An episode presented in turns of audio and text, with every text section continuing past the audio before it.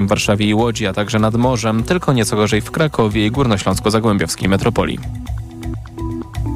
Sponsorem alertu smogowego jest japońska firma Daikin, producent pomp ciepła, klimatyzacji i oczyszczaczy powietrza www.daikin.pl. Radio TOK FM. Pierwsze radio informacyjne. Sponsorem programu jest dystrybutor złota inwestycyjnego.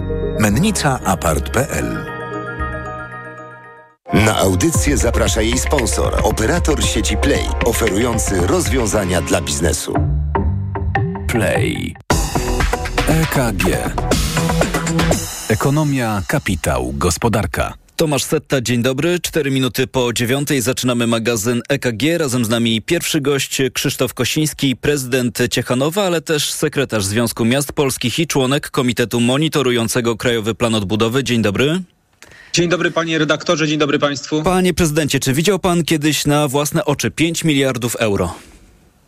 Nie miałem takiej okazji, żeby zobaczyć tak olbrzymie pieniądze, natomiast mam świadomość tego, że po stronie państwa i po stronie samorządów teraz ważna rola, żeby te środki skutecznie wydać na przemiany, transformację energetyczną, bo taki jest cel tej pierwszej e, transzy w ramach e, programu, komponentu e, KPO związanego z transformacją energetyczną właśnie. No właśnie, to to chciałem zapytać, bo mówi pan, że takich, takich pieniędzy nie widział na oczy, ja i podobnie jak nasze słuchaczki i słuchacze pewnie też nie, więc chciałem, żebyśmy w tej rozmowie o Krajowym Planie Odbudowy, o tej rozmowie, no toczymy ją już od bardzo, bardzo, bardzo dawna, zeszli na poziom konkretu. Mamy te 5 miliardów, polityczną decyzję i zapowiedź, że trafią do Polski. No i co dalej? No to jest teraz piłka po stronie rządu, bo w przypadku funduszy na realizację KPO dysponentem wszystkich środków i tym, który je rozdziela, jest właśnie rząd. Inaczej jest w tej zwykłej siedmioletniej perspektywie unijnej, gdzie na przykład około połowa środków należy do samorządów regionalnych, czyli szczebla wojewódzkiego, które rozdzielają dla beneficjentów te fundusze. Tu no, pytanie do rządu, jak te środki na jakie cele przeznaczy. One są bardzo wąsko określone, bo są związane właśnie z transformacją energetyczną, ale potrzeb jest tutaj dużo, chociażby kwestie związane z dostosowaniem sieci energetycznych do mocy OZE, które bardzo rosną w ostatnich latach i nadal jest ku temu potencjał, ale firmy energetyczne, spółki państwowe w ostatnich kilkunastu miesiącach niestety odmawiają takich decyzji dotyczących kolejnych podłączeń, instalacji odnawialnych źródeł energii. Mowa tutaj przede wszystkim o takich dużych inwestycjach w farmy fotowoltaiczne. Także tych inwestycjach samorządowych, bo takie odmowy też się zdarzają ze strony spółek Skarbu Państwa. A czy pan osobiście jako samorządowiec będzie się teraz ustawiał w kolejce po te pierwsze pieniądze, które mają trafić do Polski z Krajowego Planu Odbudowy? Rozumiem, że dysponentem jest rząd i on to będzie rozdzielać, ale pytanie, jak to wygląda od strony właśnie na przykład państwa, czyli samorządowców? Mam wrażenie, że mamy do czynienia z takim balonem oczekiwań wobec środków europejskich na realizację KPO. Został on bardzo mocno napompowany. Po pierwsze, musimy mieć świadomość tego, że część pieniędzy, mówi się nawet o 30% procentach całej puli dotacyjnej, została już zakontraktowana przez poprzedni rząd w ramach tak zwanego prefinansowania KPO przez Polski Fundusz Rozwoju. Czyli te pieniądze, które w przyszłości mamy dostać, będą refinansowaniem już poniesionych wydatków. Po drugie, duże oczekiwania są wobec inwestycji samorządów, jednakże do tego jest też konieczna zmiana zasad wdrażania KPO. Rząd PiS dużą część pieniędzy dla samorządów zapisał po stronie pożyczkowej KPO. Jest na przykład taki komponent bardzo ważny dla nas pod nazwą zielona transformacja miast. Jednakże nie są to bezzwrotne dotacje na inwestycje dla samorządów, tylko wyłącznie preferencyjne pożyczki. Dlatego jednym z takich naszych postulatów środowiska samorządowego, które osobiście zgłaszałem na posiedzeniu Komitetu Monitorującego KPO, jest um, uczynienie pożyczkobiorcą państwa, a beneficjentem dotacji na inwestycje e, samorządów. Jeśli dobrze tak- pana rozumiem, proszę wybaczyć, że wchodzę w słowo, to jest znów decyzja, która jest po stronie rządu, rządu w Warszawie. Tak jest. Tak jest, więc e, najbliższe tygodnie, miesiące będą tu kluczowe, bo też trzeba mieć świadomość tego, że nie mamy zbyt wiele e, czasu na to, żeby e, te pieniądze skutecznie e, wydatkować, e, bo e, okres e, finansowania e, krajowych KPO we wszystkich e, państwach europejskich e, jest e, sztywno z góry ustalony na połowę 26 roku. No to oznacza wszystko, że tego czasu jest y, niewiele. To tak może jeszcze na przykładzie miasta, którym pan zarządza, czyli na przykładzie Ciechanowa. Nie wiem, jak y, państwo ochoczo korzystaliście z tego y, prefinansowania z pomocą Polskiego Funduszu Rozwoju. E, My skorzystaliśmy w ramach prefinansowania z jednego projektu. On jest związany z e, budową żłobka e, w Ciechanowie. Wiele miast też z tego prefinansowania skorzystało. Natomiast ja osobiście już napisałem do nowej ministry rodziny, pracy i polityki społecznej pismo w sprawie wdrażania właśnie tego e, instrumentu, ponieważ jest bardzo mocno zapóźniony e, i środki, które zostały przydzielone samorządom według jakiegoś chorego algorytmu e, opracowanego przez poprzedni rząd są niewystarczające na realizację tych zadań. Dla przykładu, e, budowa e, żłobka w Ciechanowie na 100 miejsc dla najmłodszych do trzeciego roku życia e, to koszt e, 15, ponad 15 milionów złotych. Już podpisaliśmy z wykonawcą e, umowę w tej sprawie. Natomiast dofinansowanie ze strony e, KPO przydzielone dla nas to jest zaledwie 3 miliony złotych na e, budowę, na realizację tej inwestycji. Jeśli e, tak będą kształtowały się te proporcje środków przyznanych samorządom, no to wiele samorządów po prostu się z tych inwestycji wycofa, a jednym właśnie z kamieni milowych zapisanych w, w dokumencie pod nazwą KPO jest osiągnięcie 100 tysięcy dodatkowych miejsc w żłobkach. Więc możemy tego, tej reformy, te, tej inwestycji, tego celu po prostu nie spełnić, jeśli nie zmienią się e, zasady wdrażania e, KPO. Więc naprawdę jest dużo pracy przed nowym rządem, żeby pewne błędy poprzedniego rządu teraz e, wyprostować i naprawić. To na koniec tego wątku proszę jeszcze powiedzieć, czy w związku z tym, że mają do Polski w końcu trafić e, pierwsze pieniądze z Krajowego Planu Odbudowy, czy to oznacza, że więcej pracy będzie mieć też e, komitet monitorujący KPO? Mam taką nadzieję, ponieważ my dotychczas spotkaliśmy się zaledwie raz. E, Był teraz plan e, spotkania e, w grudniu, dokładnie na 18 grudnia wczoraj, ale to spotkanie się nie odbyło z uwagi na to, że nastąpiła zmiana rządu i poprzedni rząd to spotkanie odwołał. I jest już jakiś nowy termin, czy jeszcze za wcześnie? nie ma niestety, nie ma, nie ma niestety jeszcze nowego terminu, natomiast my liczymy jako strona samorządowa, że będziemy mogli tam realnie pracować i właśnie zwracać uwagę na e, takie błędy, e, które wystąpiły w realizacji, chociażby jeśli chodzi o kwestię prefinansowania, czy też samego wdrażania e, KPO. Liczymy, że na początku roku takie spotkanie się odbędzie. Przypomnę, że Państwa gościem jest dziś Krzysztof Kosiński, prezydent Ciechanowa. Panie prezydencie, mm, przejdźmy do kolejnego tematu. W jakiej kondycji finansowej samorządy będą wchodzić w ten nowy 2024 rok? No sporo zależy od decyzji, które teraz podejmie rząd przy konstruowaniu budżetu państwa na 24 rok. Dzisiaj rząd, następnie Sejm będą procedować projekt budżetu na 24 rok. Z tego, co nieoficjalnie wiemy, to znajdą się tam nasze samorządowe postulaty. Przede wszystkim chodzi o odblokowanie tak zwanej subwencji rozwojowej.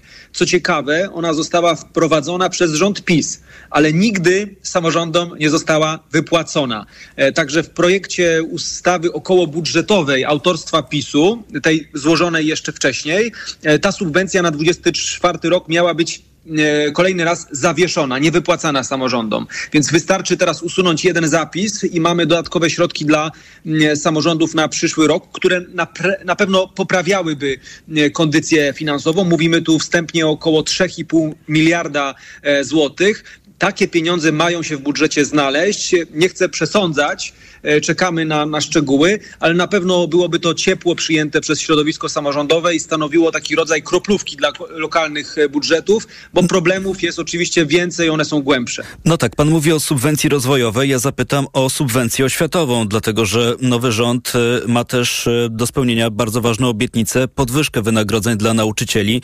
No wypłaty tych wynagrodzeń to jest już zadanie dla samorządu. Tak, dziękuję za to pytanie. Jednym z głównych wątków, który przewija się teraz w dyskusji o budżecie państwa na 24 rok jest kwestia 30% podwyżki wynagrodzeń dla nauczycieli. No krótko Mamy mówiąc, tu panie prezydencie, czy pan będzie miał te pieniądze na te wypłaty? Mamy tu jako środo- środowisko samorządowe złe doświadczenia z takimi regulacjami wprowadzanymi wcześniej przez rząd PiS, bo wtedy też były podwyżki, co prawda no, skromniejsze, mniejsze, ale rząd PiS centralnie ustalał na górze wysokość wynagrodzeń nauczycieli, a potem samorządom, które te wynagrodzenia wypłacają, przekazywał niepełne fundusze na pokrycie wzrostów e, wynagrodzeń. W ten sposób w ostatnich latach stworzyła się potężna dysproporcja pomiędzy nakładami państwa a nakładami samorządów na finansowanie oświaty. Gminy, miasta, powiaty zostały skrajnie obciążone tymi e, kosztami.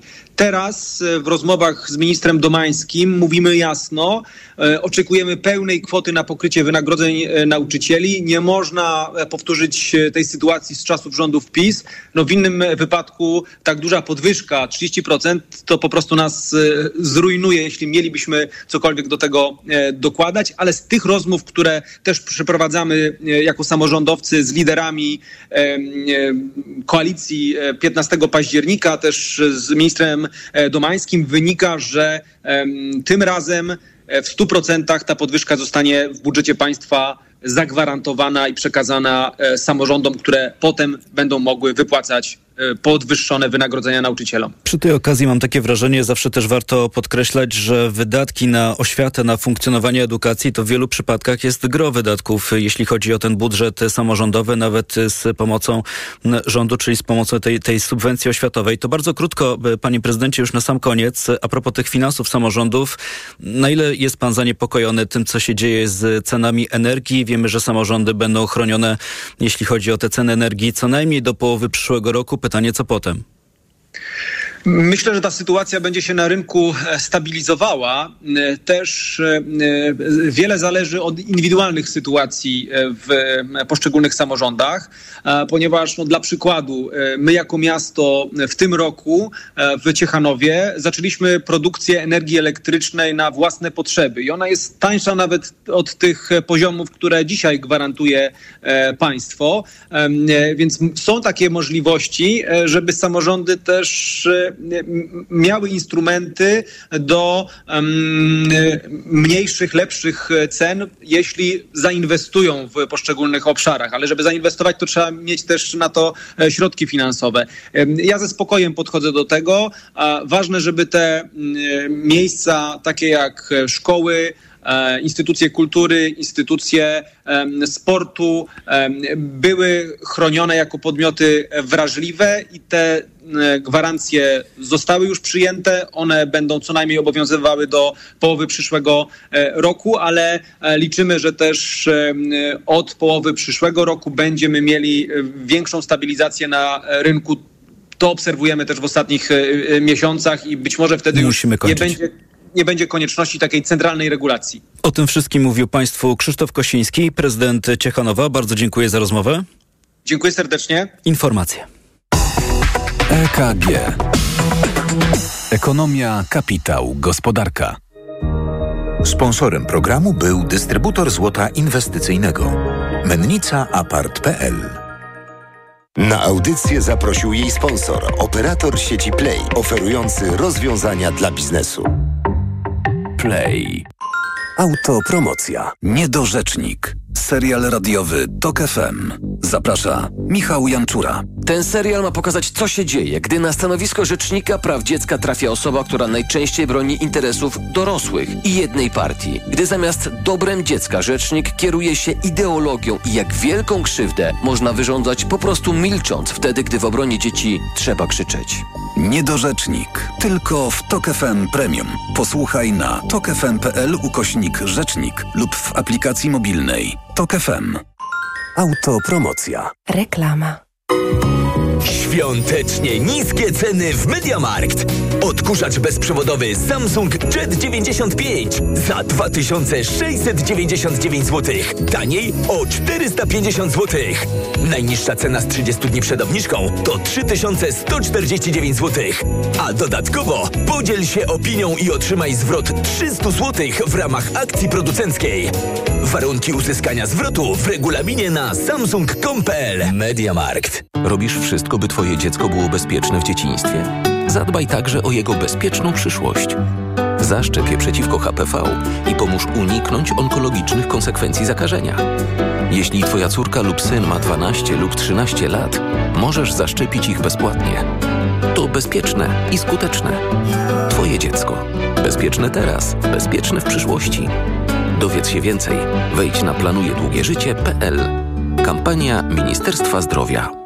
Jako dietetyk na wątrobę zawsze polecam Proliver, ponieważ zawiera składniki wspierające właściwą pracę wątroby. Często ze względu na dietę, wiek czy masę ciała zwracam uwagę na poziom cukru we krwi. Wtedy proponuję nowość Proliver Diabeto. Suplement diety Proliver Diabeto dba o wątrobę, a dodatkowo zawiera wysoką dawkę morwy białej, która przyczynia się do utrzymania prawidłowego poziomu cukru. Stosując Proliver Diabeto osiągamy obie te ważne korzyści. Proliver Diabeto, zdrowa wątroba i prawidłowy poziom cukru. Aflofarm. Wyciąg z liści garczocha wspiera utrzymanie zdrowej wątroby. Warzywa, owoce, chude mięso to na święta? Tak, moja wątroba szwankuje i w te święta muszę dać jej wolne. Wątroba? Weź Essentiale Forte. Regeneruj wątrobę każdego dnia, nie tylko od święta. Lek Essentiale Forte działa dla szybszej regeneracji wątroby. Essentiale Forte. Kapsułki 300 mg fosfolipidów z nasion sojowych. Wskazania. Roślinny lek stosowany w chorobach wątroby. Zmniejsza dolegliwości jak brak apetytu, uczucie ucisku w prawym nadbrzuszu spowodowane uszkodzeniem wątroby w wyniku nieprawidłowej diety, działania substancji toksycznych lub zapalenia wątroby. Opella Healthcare Poland. Grupa Sanofi. To jest lek. Dla bezpieczeństwa stosuj go zgodnie z ulotką dołączoną do opakowania i tylko wtedy, gdy jest to konieczne. W przypadku wątpliwości skonsultuj się z lekarzem lub farmaceutą. Essentiale Forte. Regeneruj wątrobę i odzyskaj energię. W miejskiej dżungli łatwo stracić kontrolę nad emocjami. W stresie czujesz, jakbyś nie była sobą. Warczysz na wszystkich dookoła. Sięgnij po nowość. Waluset Control z ashwagandą.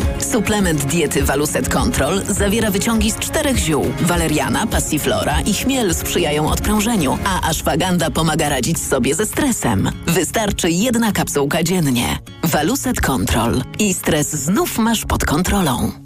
Reklama. Radio TOK FM. Pierwsze radio informacyjne. Informacje TOK FM.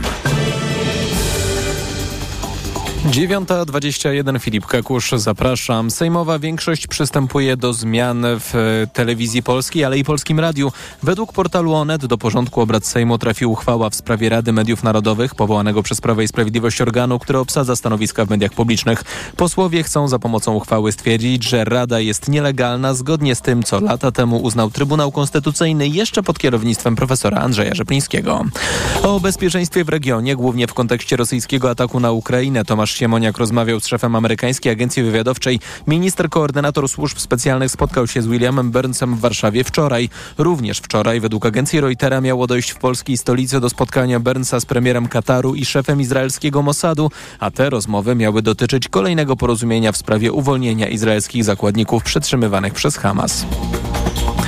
Przywódca Korei Północnej grozi Korei Południowej Stanom Zjednoczonym bardziej ofensywnymi działaniami, by, jak to ujął, odeprzeć groźby militarne wrogów. W tym tygodniu Pjongjang przeprowadził dwie próby rakietowe. Odpalił międzykontynentalny pocisk balistyczny, który mógł mieć zasięg 18 tysięcy kilometrów, co oznacza, że mógłby uderzyć w dowolne miejsce w Stanach Zjednoczonych. W odpowiedzi Waszyngton, Seul i Tokio zapowiedziały, że będą w czasie rzeczywistym monitorować północno-koreańskie rakiety i prowadzić więcej manewrów. Trudne warunki panują w Tatrach. Wieje silny wiatr wiatr utrudniający poruszanie się. Na szlakach jest gruba warstwa nieprzedeptanego śniegu. Jest też inwersja. Temperatura rośnie wraz z wysokością. Na Kasprowym Wierchu było rano 3 stopnie powyżej zera. Przez to jednak robi się bardzo ślisko. Według synoptyków w czwartek na Podhale wrócą opady śniegu i mróz. Święta pod Giewontem również zapowiadają się śnieżnie. Pogoda. Dziś ma być pogodnie na południu Polski. Przejaśnienia mają też pojawić się w innych regionach, ale chmury jeszcze sporo i pojawi się także przelotny deszcz i mrzawka. Od 6 stopni w Lublinie, przez 7 w Warszawie, 8 we Wrocławiu, do 11 w Krakowie. Jutro pokropić może już w całym kraju, w większej części Polski od 3 do 6 stopni. Radio TOK FM. Pierwsze radio informacyjne. EKG. Ekonomia, kapitał, gospodarka. 9.23, czas na drugą część magazynu EKG. Państwa kolejni goście to dziś pani Anna Wicha, prezes Polskiego Forum HR. Dzień dobry. Dzień dobry. Pan Piotr Kalisz, główny ekonomista Banku City Handlowy. Dzień dobry. Dzień dobry. I zdalnie łączy się z nami też pani Monika Kurtek, główna ekonomistka Banku Pocztowego również. Dzień dobry. Dzień dobry Państwu. Za niecałą godzinę, bo o godzinie 10 zbiera się dziś w kancelarii premiera nowy rząd na pierwszym oficjalnym posiedzeniu. Tematem numer jeden tego spotkania będzie oczywiście projekt budżetu na kolejny 2024 rok i w pierwszej kolejności także Państwa chciałem o to zapytać. Może nie tyle o to, co w tym budżecie czy projekcie się znajdzie, bo tego oczywiście nie wiemy do czasu, aż ministrowie tego projektu nie przyjmą i nie opublikują, to może inaczej zadam to pytanie. Co powinniśmy wiedzieć o tym budżecie na kolejny rok? Pan Piotr Kalisz. Znaczy, ja bym spodziewał się, że ten budżet tak naprawdę to i chyba tak z informacji też medialnych wynika, że to jest powtórka budżetu, który został, trafił do, e, do parlamentu we wrześniu z małymi poprawkami uwzględniającymi tylko te wydatki um, na przykład związane z e, podwyżkami wynagrodzeń, no i pewnie jakieś dodatkowe urealnienie albo zaktualizowanie szacunków e, dochodowych. Więc e, wydaje mi się, że ten budżet nie jest jakoś kontrowersyjny, natomiast e, jeżeli chodzi o to, co w nim się powinno znaleźć, to wydaje mi się, że na tym etapie po prostu nie ma szansy uwzględnienia w nim, nie ma czasu po prostu na to, żeby uwzględnić w nim cokolwiek więcej. Jak rozumiem, cel jest taki, żeby przyjąć ten budżet jak najszybciej. Natomiast on też nam nic nie powie, albo niewiele nam powie o sytuacji fiskalnej w przyszłym roku, bo no spodziewałbym się, że w trakcie roku, w pierwszych miesiącach przyszłego roku e, rząd zacznie pracować po prostu nad nowelizacją, która rzeczywiście wprowadzi te zmiany, które, które miałyby się znaleźć w budżecie, ale na które potrzeba zdecydowanie więcej czasu, no bo przygotowanie budżetu je, naprawdę jest dużo bardziej skomplikowane niż wprowadzenie kilka, kilku zmian w ostatniej chwili. No jak dobrze pana rozumiem, teraz ten nowy rząd ma bardzo niewiele czasu, dlatego że do końca stycznia taki gotowy projekt e, budżetu, czy właściwie już ustawa budżetowa musi trafić na biurko prezydenta prezydenta. W przeciwnym razie Andrzej Duda taką konstytucyjną będzie miał możliwość, żeby skrócić kadencję Sejmu i rozpisać przedterminowe wybory. Przed, przed momentem mówił pan Piotr Kalisz, pani Monika Kurtek. Kiedy już zobaczymy ten projekt budżetu, co się w nim zmieni, to m, mm, m, których pozycji pani będzie szukać i co będzie przykuwać pani uwagę? To znaczy tak, jeżeli chodzi o sam e, ten budżet, to, to moje zdanie tu jest bardzo podobne do zdania Piotra. Ten budżet jest po prostu budżetem roboczym, przygotowywanym w bardzo szybkim tempie, e, na bazie oczywiście tego, co zostało złożone mm, w Sejmie 29 e, września i też spodziewam się, że tak naprawdę chyba największe zmiany, jakie tam nastąpią, to będzie dołożenie tych obietnic, które mają być realizowane od 1 stycznia E, czyli podwyżki 30% e, dla nauczycieli, podwyżki dla sfery budżetowej o 20%. No i to oczywiście te, te obietnice, które mają być w życie wcielane od 1 stycznia, podnoszą e, zapewne mm, deficyt budżetowy. On był E, w tym poprzednim projekcie mm, oszacowany na około 165 miliardów. No wczoraj z doniesień medialnych gdzieś tam widzieliśmy, że, że ta kwota ma być większa, około 200 miliardów i to by się chyba w sumie składało, bo jeżeli do tych 160 powiedzmy dołożymy około 40, bo takie są szacunki tych, tych pierwszych obietnic, e, no to to by gdzieś tam się nam e, składało. Więc A myślę, proszę że... powiedzieć, jakie to ma mhm. dla, dla nas znaczenie, że to nie będzie 160, tylko 200? Bardzo abstrakcyjne sumy, miliardy złotych.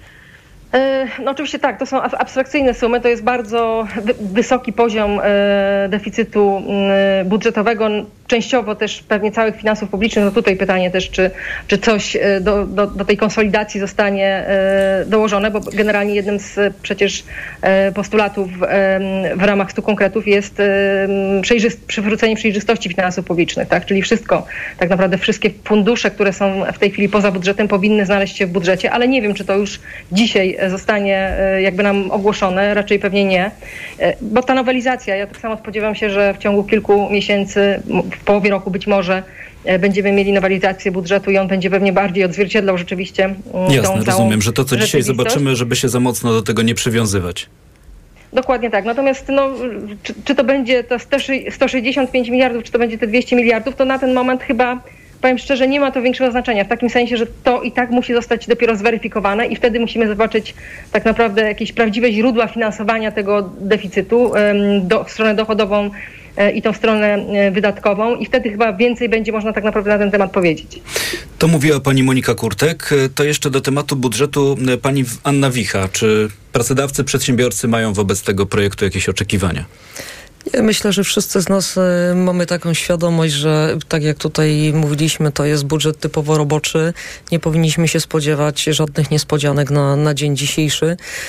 Myślę, że rząd będzie szukał e, dodatkowych, czy będzie robił zmiany nie tylko w obszarze wydatkowym, ale będzie szukał też w tej pierwszej perspektywie różnych oszczędności no, na, chociażby na, na takich drobnych rzeczach jak Komisja Macierewicza, e, na, na drobnych wydatkach i myślę, że będzie też e, wydaje mi się trochę bardziej nakierowany na to, żeby, e, żeby podkręcać biznes, żeby ta strona przychodowa była, była coraz większa. To mówiła pani Anna Wicha. Przy okazji budżetu mm, jeszcze zaglądam sobie na stronę Ministerstwa Finansów, które właściwie ma już chyba skompletowane swoje kierownictwo i o to też chciałem Państwa krótko zapytać, dlatego że pod sekretarzami mm, stanu w Ministerstwie Finansów, czyli wiceministrami, mm, zostali pani Hanna Majszczyk, pan Paweł Karbownik i pan Jurant Drop. Został również e, w randze wiceministra w Ministerstwie Finansów, został tym wiceministrem również Jarosław Neneman. Nazwiska skądinąd znane, w wielu przypadkach to są też e, wielkie powroty ludzi, którzy w przeszłości już e, także nad budżetem w Ministerstwie Finansów pracowali. Mm, pytanie, może pan Piotr Kalisz na początek, czy to jakoś napawa mm, takim optymizmem, że choć czasu jest niewiele, to uda się ten budżet y, przygotować tak, że nie będzie się do czego przyczepić? Myślę, że bez y, powrotu do ministerstwa części z tych osób dużo trudniej byłoby e, na takiej ostatniej prostej wprowadzać jakiekolwiek istotne zmiany do budżetu, bo to jest jednak materia dosyć skomplikowana i jeżeli nie, nie chodzi tutaj o znajomość taką teoretyczną, tylko chodzi o to, żeby zmianami zajęła się osoba albo osoby, które robiły to w przeszłości wiele razy i faktycznie mm, to następuje. E, tak naprawdę wyciąganie wniosków w tym momencie w E, na temat, co to oznacza, prawda, dla kierunku polityki. Wydaje mi się, że nie ma, po prostu nie ma sensu. No, jest dużo znaczy, za wcześnie. Jest, jest po prostu za wcześnie, natomiast e, ewidentnie jest to jakby zmiana, która umożliwiła te szybkie wprowadzenie um, modyfikacji w, w budżecie. To mówił pan Piotr Kalisz. Bardzo dziękuję. Temat budżetu to, tak jak mówiłem, temat numer jeden, jeśli chodzi o to pierwsze oficjalne posiedzenie nowego rządu, a jeszcze w tym tygodniu pracami nad budżetem ma się zająć nowy Sejm i zdaje się, że zgodnie z harmonogramem prac na ten tydzień to te prace rozpoczną się, to pierwsze czytanie rozpocznie się w czwartek. EKG w magazynie EKG mam teraz e, propozycję, żebyśmy trochę kontynuowali temat e, rozpoczęty w, we wczorajszym wydaniu magazynu EKG.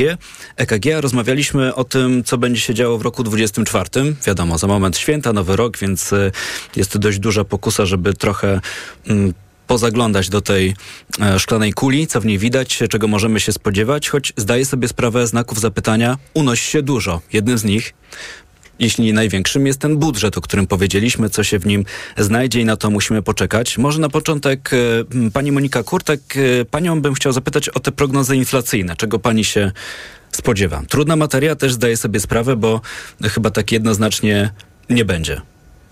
No dokładnie tak jest, jak pan redaktor mówi. Tu jest cały czas e, sporo znaków zapytania. To znaczy na ten moment prognozując inflację, musimy jakby zakładać e, to, że po pierwsze od 1 stycznia nie rośnie nam VAT na żywność, nie wraca do 5%, jeżeli chodzi o niektóre produkty żywnościowe, co jest oczywiście e, ważnym czynnikiem, a druga rzecz, no, a, no i to oczywiście, że ten VAT jest utrzymany przynajmniej jak na razie do marca, tak, czyli od kwietnia ten powrót e, powinien mieć miejsce. A druga rzecz, no to są oczywiście ceny energii dla gospodarstw domowych, dla firm, które są zamrożone do końca czerwca, czyli od lipca e, powinna tutaj nastąpić jakaś zmiana, ale czy po drodze nie będzie jeszcze jakichś zmian, e, no to oczywiście w tej chwili nie wiemy. No ale jakby uwzględniając te dwa czynniki, tak, czyli brak tego VAT-u przez pierwszy kwartał i, i brak podwyżek cen energii od stycznia do czerwca, a jednocześnie no, oczywiście uwzględniając też inne czynniki, które są proinflacyjne, czyli podwyżka świadczenia 500 plus do 800 złotych, No oczywiście te podwyżki, które mają wejść w życie, pewnie nie od 1 stycznia natychmiast, ale mm, być może pod koniec pierwszego kwartału dla nauczycieli, dla sfery budżetowej, e, no to również będą oczywiście czynniki proinflacyjne w takim sensie, że zwiększające popyt. No to ta inflacja powiedziałabym tak ogólnie w roku przyszłym może nam się cały czas e, utrzymywać na podwyższonym poziomie, ale tak naprawdę bardziej bym się spodziewała, że nawet jakieś przyspieszenie tej inflacji to nastąpi właśnie w drugiej połowie roku. Natomiast pierwszy kwartał, tutaj mogę Państwa zaskoczyć, ale inflacja e, wcale nie wykluczam, że może nam e, zejść w okolice nawet poniżej 4% z tego względu, że mamy bardzo wysoką bazę odniesienia z roku bieżącego. Przypomnę, że w lutym ta inflacja nam sięgała ponad 18% w ujęciu rocznym. Teraz ta wysoka baza będzie bardzo mocno działać na odczyty mm, z pierwszego kwartału. Jednocześnie, tak jak powiedziałam, no nie mamy na przykład tego, mm, tej podwyżki VAT-u czy energii. Czyli rozumiem, że tym... punktowo możemy spodziewać się takiego dość spektakularnego spadku, ale nie ma co na tej podstawie Dokładnie. wyciągać daleko idących wniosków, bo to będzie, jak rozumiem, przejściowe. Dokładnie tak I, i, i, druga połowa roku może niestety już wyglądać inaczej niż, niż właśnie ta, ta pierwsza. No dobrze, to jeśli chodzi o inflację, e, pierwszą z tych prognoz mamy, mówiła pani Monika Kurtek, e, to w tej części jeszcze może krótko pani Anna Wicha, bo druga sprawa, która mnie interesuje to wynagrodzenia. No to co wiemy mhm. na pewno to wzrost płacy minimalnej, ale czy wiemy coś więcej? No tak, wzrost płacy minimalnej to jest już coś, co nie jest dla nas niespodzianką. Przypomnę tylko, że płaca minimalna rośnie około 20% e, w stosunku do, e, do tego, co mamy, co mamy teraz. To jest stosunkowo duży wzrost w porównaniu do tego, jakiej inflacji e, średniorocznej się spodziewamy. Ale też ta podwyżka płacy minimalnej jest konsekwencją wysokiej inflacji, którą Dokładnie obserwowaliśmy tak. do tej pory, bo taki jest mechanizm ustalania tej kwoty.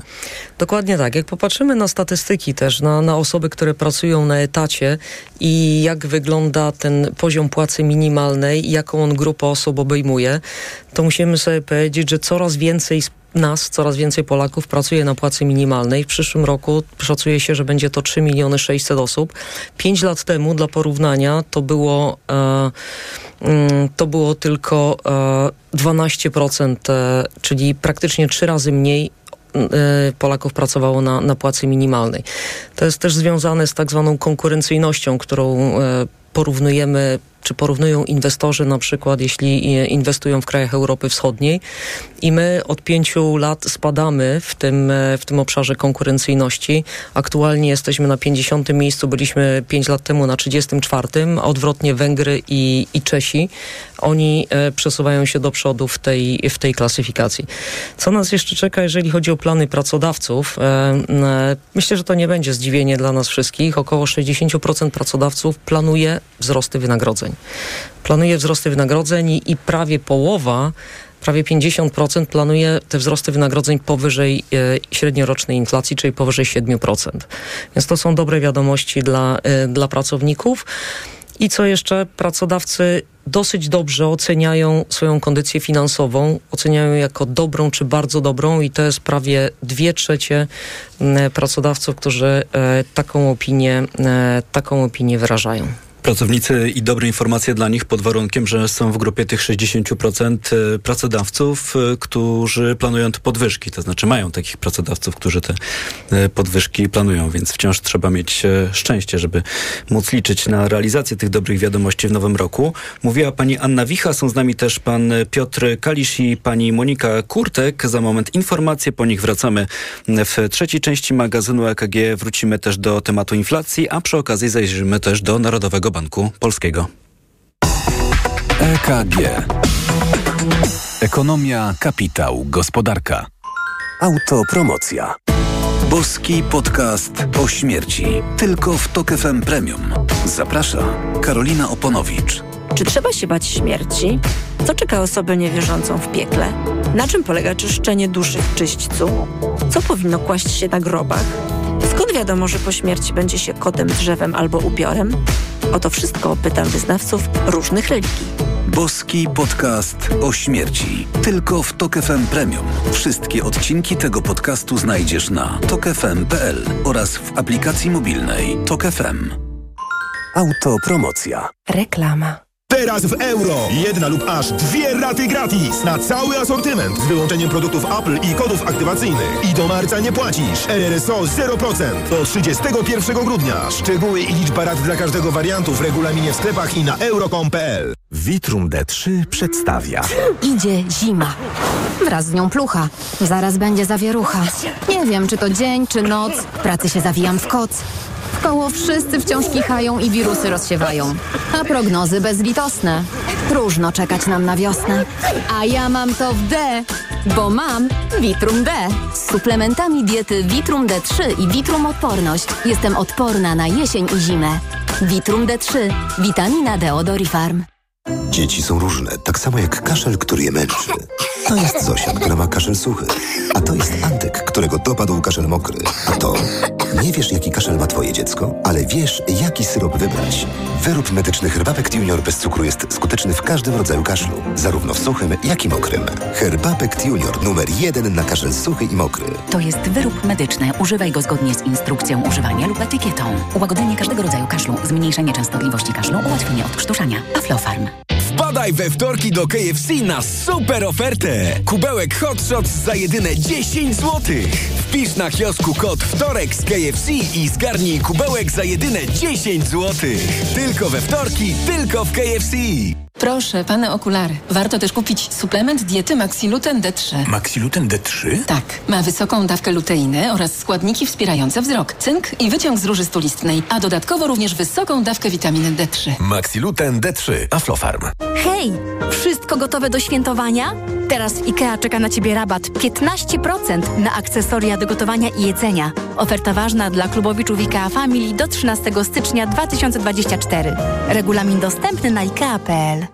Przepraszam, coś pani zgubiła. Mój magnes, bardzo dziękuję. Suplement diety Neomak Forte D3. Magnes. Może stąd to przyciąganie. Ja też biorę magnes. Sporo nas łączy. Łączy to Neomak Forte D3, dużą dawkę magnezu i aż 2000 jednostek witaminy D. Kosztuje 2 zł więcej niż Neomak Forte, a daje mi świetną odporność. Przekonała mnie pani. Zmieniam swój magnes na Neomak Forte D3. To może teraz ja przekonam panią, żebyśmy poszli na kawę. Chyba, że jest pani odporna również na mnie. Neomak Forte D3. Więcej niż magnes. Aflofarm. Ej, patrzcie! Mikołaj! Hej, dokąd to Mikołaju? O Media Expert! Po prezenty! Do wszystkiego najtańszego!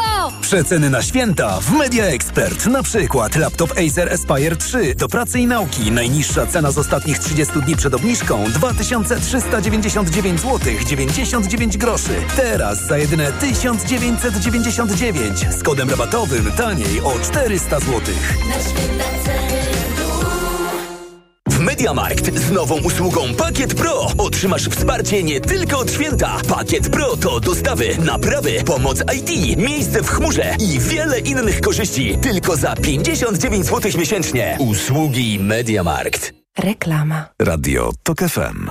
Pierwsze radio informacyjne. Informacje TOK FM. 9.41 Filip Kakusz, zapraszam. Robert Biedroń z Lewicy zapowiedział, że zapewne dziś zbierze się Sejmowa Komisja Kultury i Środków Przekazu, która przyjmie uchwałę dotyczącą Rady Mediów Narodowych. Europoseł i współprzewodniczący Nowej Lewicy w rozmowie z portalem WP.pl powiedział, że dziś zapewne zaczną się zmiany w mediach publicznych, bo Rada Mediów Narodowych odpowiada za obsadzanie stanowisk dyrektorów TVP, Polskiego Radia i Polskiej Agencji Prasowej. Tymczasem premier tu Donald Tusk zapowiedział na portalu X dość enigmatycznie intensywny czas w polskiej polityce. No to zapinamy pasy, nowi szefowie służb, w tym CBA, przyjęcie budżetu, odwołanie Kurskiego z Waszyngtonu to na początek dnia, długiego dnia, napisał szef rządu. Dziś do pracy wraca Sejm, obradować ma do czwartku. Słuchasz informacji TOK FM. W Ukrainie rośnie zaufanie do armii i jej głównodowodzącego generała Waleria Załużnego, a spada zaufanie do prezydenta Wołodymyra Zełenskiego. Według ostatniego badania opinii publicznej 96% Ukraińców ufa wojskowym, a 88% samemu Załużnemu. W Załęskim zaufanie pokłada niespełna dwie trzecie pytanych. Po serii trzęsień ziemi na Islandii na półwyspie Reykjanes wybuchł wulkan. Władze spodziewały się takiego obrotu spraw i w ostatnich dniach ewakuowały prawie 4 tysiące mieszkańców pobliskiego miasta Grindavik. W ostatnich latach na półwyspie doszło do kilku erupcji na bezludnych obszarach, ale władze stwierdziły, że przewidywany wybuch stanowi już bezpośrednie zagrożenie dla miasta. Pogoda. Na południu dziś pogodnie, w centrum i na północy chmury i deszcz albo mrzawka. Najbardziej intensywne opady na zachodzie. Wszędzie może mocniej powiać. Temperatury ponownie wysoko powyżej zera. 6 stopni w Poznaniu, Białymstoku i Lublinie. 7 stopni w Warszawie, Łodzi, Toruniu. 8 w Gdańsku i Kielcach. 9 w Katowicach. 11 w Krakowie. Radio TOK FM. Pierwsze radio informacyjne. Sponsorem programu jest dystrybutor złota inwestycyjnego. Mennica Apart.pl Na audycję zaprasza jej sponsor, operator sieci Play, oferujący rozwiązania dla biznesu. Play. EKG. Ekonomia, kapitał, gospodarka. 9.43 zaczynamy trzecią część magazynu EKG. W studiu Anna Wicha i Piotr Kalisz i zdalnie łączy się z nami też e, pani Monika Kurtek. Mm, zaczniemy od pana Piotra Kalisza, tak żeby do kompletu mieć te prognozy inflacyjne mm, z pytaniem, co z tymi cenami. Wzrostem cen będzie się działo w 2024 roku. Na ile pańska prognoza jest e, zbliżona czy zbieżna z tym, o czym mówiła pani Monika Kurtek? Myślę, że co do kierunku e, nasza prognoza jest zbliżona e, do tej ścieżki, którą zarysowała e, Monika. Natomiast no myślę, że nawet szansa jest, żeby ta inflacja, szansa jest na to, że inflacja spadnie poniżej 3% w pierwszym kwartale. Oczywiście to zależy od tych wielu czynników typu VAT i tak dalej. Natomiast dołek będzie zdecydowanie niżej niż dotychczas, bo jeszcze niedawno mieliśmy dwucyfrową inflację. Natomiast Poniżej 3%, czyli w okolice 2,5%, No, Myślę, że w, czyli tego w celu inflacyjnego 2,7, NBP. 2, tak, zbliżone, zbliżone do celu inflacyjnego. Natomiast e, jeżeli chodzi o prognozy, to niestety prognozy takie e, wychodzące poza pierwszy kwartał są mniej, już są mniej korzystne. Ta inflacja potem po pierwszym kwartale prawdopodobnie będzie rosnąć i jeden czynnik, który moim zdaniem jest mocno niedoceniany, to jest właśnie ten wzrost e, płacy minimalnej, który w, w, na poziomie 20% może nie robi już wrażenia, bo jeszcze niedawno inflacja była w, w dwucyfrowa. Natomiast jeżeli sobie zda, e, wyobrazimy to, że ten 20% wzrost płacy minimalnej oznacza 15% wzrost w ujęciu realnym i dotyczy to powiedzmy 25% e, populacji, to to jest ogromny impuls e, wydatkowy i on będzie wpływał na inflację z pewnym opóźnieniem, czyli inflacja będzie w krótkim horyzoncie niska, e, niska albo niższa niż wcześniej oczekiwaliśmy, ale potem to odbicie może nas zaskoczyć. To mówił pan Piotr Kalisz. Przed informacjami obiecałem państwu, że zajrzymy jeszcze do Narodowego Banku Polskiego. No, powodów jest całe mnóstwo. Dosyć dużo o tych bieżących sprawach NBP mówiliśmy we wczorajszym wydaniu magazynu EKG, ale jest jeszcze jedna kwestia, nad y, którą chciałem, żebyśmy się pochylili i to będzie pytanie do pani Moniki Kurtek, ponieważ jest od jakiegoś czasu dyskutowana kwestia zysku Narodowego Banku Polskiego, który miałby trafić do budżetu państwa. No wiemy, że podstawowym celem działalności NBP nie jest generowanie tego zysku. Jak ten zysk jest, to dobrze. Jak go nie ma, to trudno. Tylko problem polega na tym, że z przekazów NBP płynęły takie zapewnienia, że w tym roku ten zysk będzie i wyniesie 6 miliardów złotych. Zamiast zysku będzie strata. Tak w dużym skrócie przedstawia się ta historia. Zamiast 6 miliardów złotych na plusie będzie 20 miliardów złotych na minusie. Pytanie dotyczy tych finansów publicznych, o których mówiliśmy i kwestii budżetu. No bo o ile dobrze pamiętam, do tej pory było tak, że tego zysku raczej w planach finansowych państwa nie uwzględniano. No właśnie dlatego, że to różnie może być i to wcale nie jest y, celem NBP, żeby ten zysk generować i pomagać państwu. Natomiast od jakiegoś czasu, zdaje się od 2022 roku, ten zysk jest zapisywany y, w budżecie. Pani Monika Kurtek, jakbyśmy mogli tak w kilku zdaniach spróbować wyjaśnić, y, czy to w ogóle jest jakiś, jakiś problem?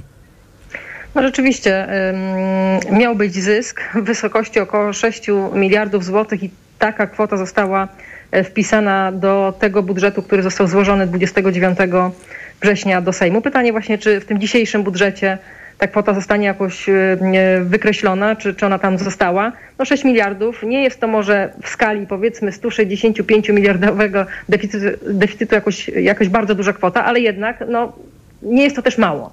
No i teraz y, przez wiele lat mieliśmy w zasadzie praktykę taką, że nie wpisywało się do budżetu y, y, jakichkolwiek przychodów z tytułu z, zysku y, z Narodowego Banku Polskiego. Ta kwota, która tam była wpisywana, to było po prostu zero. No w związku z tym, że w finansach publicznych pojawiły się takie, a nie inne problemy, to tą kwotę zaczęto wpisywać, no bo to jest oczywiście kwestia y, też w- no, wpływu, może nie bezpośredniego, ale pośredniego, finansowania też deficytu budżetu państwa. Wiemy, że to 6 miliardów, tak powiedziałam, to nie jest duża kwota, no ale mm, jeżeli w tym budżecie nie będzie, no to jest o tyle mniej, ale z drugiej strony, jeżeli zostaną dołożone powiedzmy wydatki na 40 miliardów, no to i tak y, jakby ta kwota y, nie ratuje tego budżetu, tak bym powiedziała. Natomiast no pytanie oczywiście jest takie, na jakiej podstawie Ministerstwo Finansów taką kwotę wpisało. No i mm, powiedziałabym, że dosyć porażające są te informacje, które dzisiaj się pojawiły, prawda, że ta że, że ma nie być zysku, a ma być strata i to powyżej 20 miliardów, jeżeli chodzi o Narodowy Bank Polski. Przypomnę też, że, że to jest z tego zysku Narodowego Banku Polskiego też miały być finansowane wydatki zbrojeniowe, tak? Tak zostało to zadeklarowane. No więc rozumiem, że też w tym momencie nie ma środków e, i na takie wydatki. To mówiła pani Monika Kurtek. Bardzo dziękuję. Ja państwu zwracam uwagę na ten element dyskusji, między innymi dlatego, że wciąż też trwa debata o odpowiedzialności politycznej prezesa Narodowego Banku Polskiego, czy nowa koalicja zdecyduje się postawić go przed Trybunałem Stanu. Dzisiaj w dzienniku Gazecie Prawnej jest tekst, który trochę przekierowuje tę odpowiedzialność, czy tę całą historię z Trybunału Stanu po prostu na kodeks karny i na prokuraturę i jednym z takich e, zarzutów czy wątpliwości, które się tutaj pojawiają, no to jest jednak wprowadzenie w błąd Ministerstwa Finansów co do tego, czy zysk z Narodowego Banku Polskiego do budżetu trafi, czy nie. Pani Anna Wicha. No muszę powiedzieć, że dla mnie jako szarego obywatela ta sytuacja jest po prostu niewiarygodna i bulwersująca. Jeżeli weźmiemy pod uwagę kilka czynników. Po pierwsze mamy do czynienia z bankiem centralnym, czyli z instytucją, która powinna być wiarygodna, powinna umieć liczyć finanse głównie swoje, ale też, e, ale też całego, całego państwa. Z drugiej strony mamy do czynienia z e, banerem, który możemy oglądać mamy najlepszych specjalistów, którzy są w stanie przewidywać trendy i pokazywać nam e, konkretne, konkretne wskaźniki. I z trzeciej strony e, sprawa nagród, które przyznaje sobie prezes e, samodzielnie e, dla siebie i dla, i dla wiceprezesów. No to jakby jak pozbieramy te wszystkie e, wskaźniki i e, okazuje się, że pomyliliśmy się o 26 miliardów, 6 w jedną stronę i 20 w drugą stronę, no to szczerze mówiąc brakuje słów na to, żeby, żeby powiedzieć, jak, jak te informacje są po prostu porażające i z jakimi specjalistami mamy, mamy do czynienia na, na topie takich instytucji. No, dość powiedzieć, że prezes Adam Glapiński przy bardzo wielu różnych okazjach podkreślał, że Narodowy Bank Polski no to jest to miejsce, gdzie ta, nazwijmy aparatura, ale też przede wszystkim no, umysły tych pracowników, no to są najlepsi specjaliści w kraju, skierowani właśnie tam, ściągnięci właśnie tam e, po to, żeby e, pracować na rzecz e, Narodowego Banku Polskiego. To mówiła pani Anna Wicha, no to w magazynie EKG czas na zdziwienia. EKG. Ale zanim zdziwienia, to jeszcze krótki komentarz, no bo byłbym zapomniał. Inflacja bazowa. Wczoraj poznaliśmy taką magiczną liczbę. Też nawiasem mówiąc, Narodowy Bank Polski ją prezentuje. Inflacja bazowa, ta bez cen żywności i energii, patrzy na pana Piotra Kalisza, ta inflacja bazowa nam w listopadzie spadła. Spadła nam e, bardzo istotnie, dobra informacja, natomiast e, no wydaje mi się, że to jest miernik, który pokazuje nam, co się wydarzyło w ostatnich miesiącach. No, mieliśmy recesję, jakkolwiek byśmy tego nie nazwali, ale była recesja. Um, realne wynagrodzenia no, w, w, dużym stopniu spadały albo praktycznie nie rosły.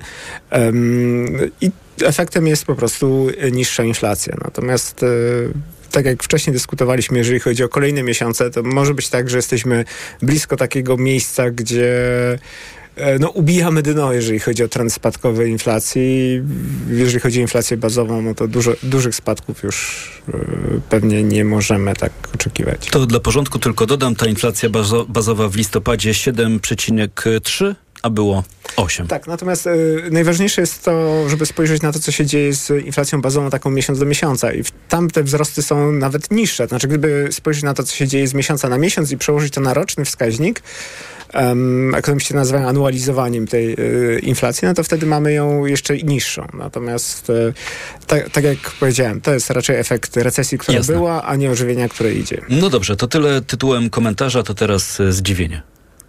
Jeżeli chodzi o zdziwienie, moje zdziwienie właśnie dotyczy oczekiwań um, wzrostu w Polsce, bo jak spojrzę na, na prognozy rynkowe... Wzrostu czego? Wzrostu gospodarczego, mhm. um, czyli wzrostu całej gospodarki, um, to powiedzmy PKB jest przewidywany, wzrost PKB na przyszły rok w okolicach 2,7 e, i to tak jest dosyć mocny konsensus, jeżeli chodzi o, o i banki, i think tanki, i różnego rodzaju instytucje międzynarodowe.